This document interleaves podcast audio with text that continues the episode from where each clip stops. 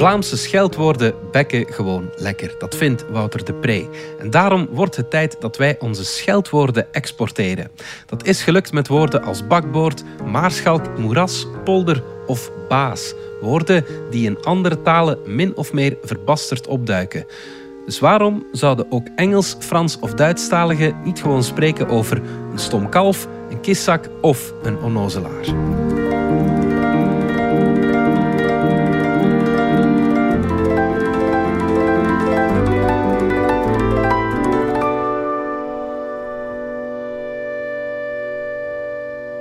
Besmettelijk is het Nederlands?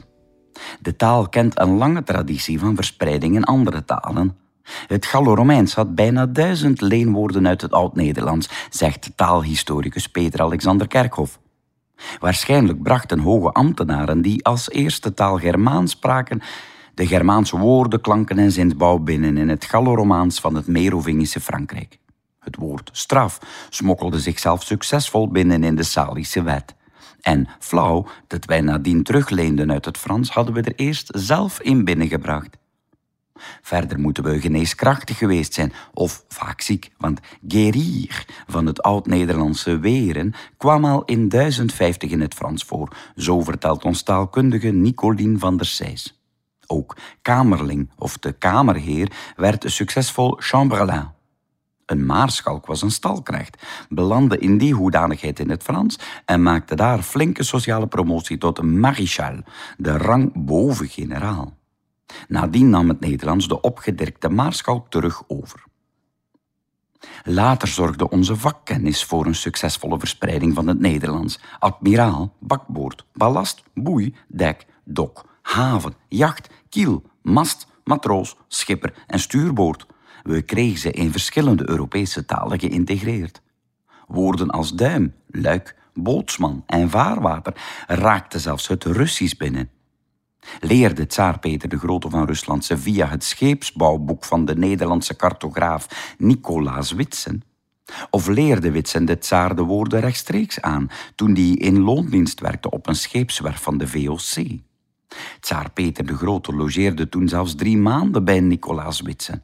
Het waren vriendschappelijker tijden, lang voor de MH17 was neergehaald.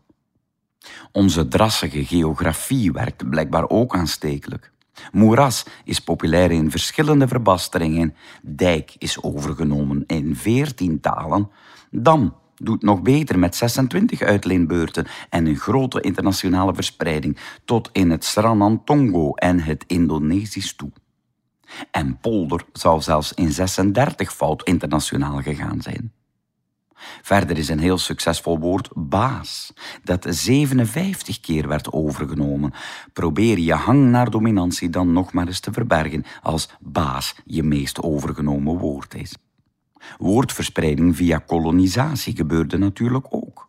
Zo wordt het grappige pindakaas in het Stranantongo pinadakasi en het lugubere doodskist werd dedekesi toch enigszins ter verzachting. Baas verspreidde zich vooral via Bos en dus via nieuwe baasspelers in de wereldgeschiedenis, de Engelsen en de Amerikanen. Klapschaats is een van onze laatste successen naar een uitvinding in de lage landen. Firebeist hadden we ook nog, zoals voetbalcoach Louis van Gaal feestbeest in het Duits vertaalde.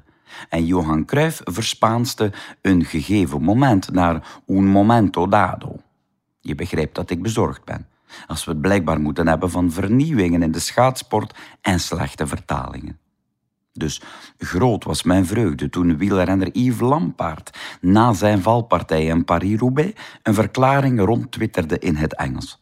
Lampaard verontschuldigde zich, overigens totaal onterecht, voor het scheldwoord dat hij had gebruikt tegenover de veroorzaker van zijn val. Maybe I shouldn't have called the spectator a calf. But still he was on the route, schreef Lampaard. Het viel dadelijk op, het woord kalf misstond geen seconde in die internationale zin. En dat heeft volgens mij niet alleen te maken met calf in het Engels en kalp in het Duits. Nee, Vlaamse scheldwoorden bekken gewoon lekker. Het is tijd dat de Franse president Macron de Russische president Poetin een nieuwaard noemt.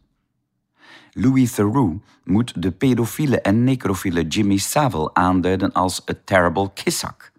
Mocht Trump herverkozen worden, staat de vrije wereld onder leiding van a dangerous zot. En hoe deugddoend zou het voor de Duitsers niet zijn om Gerhard Schröder, die weigert Poetin af te vallen, te kunnen beschrijven als een schrecklicher onnozelaar. Of misschien zelfs een große muilentrekker.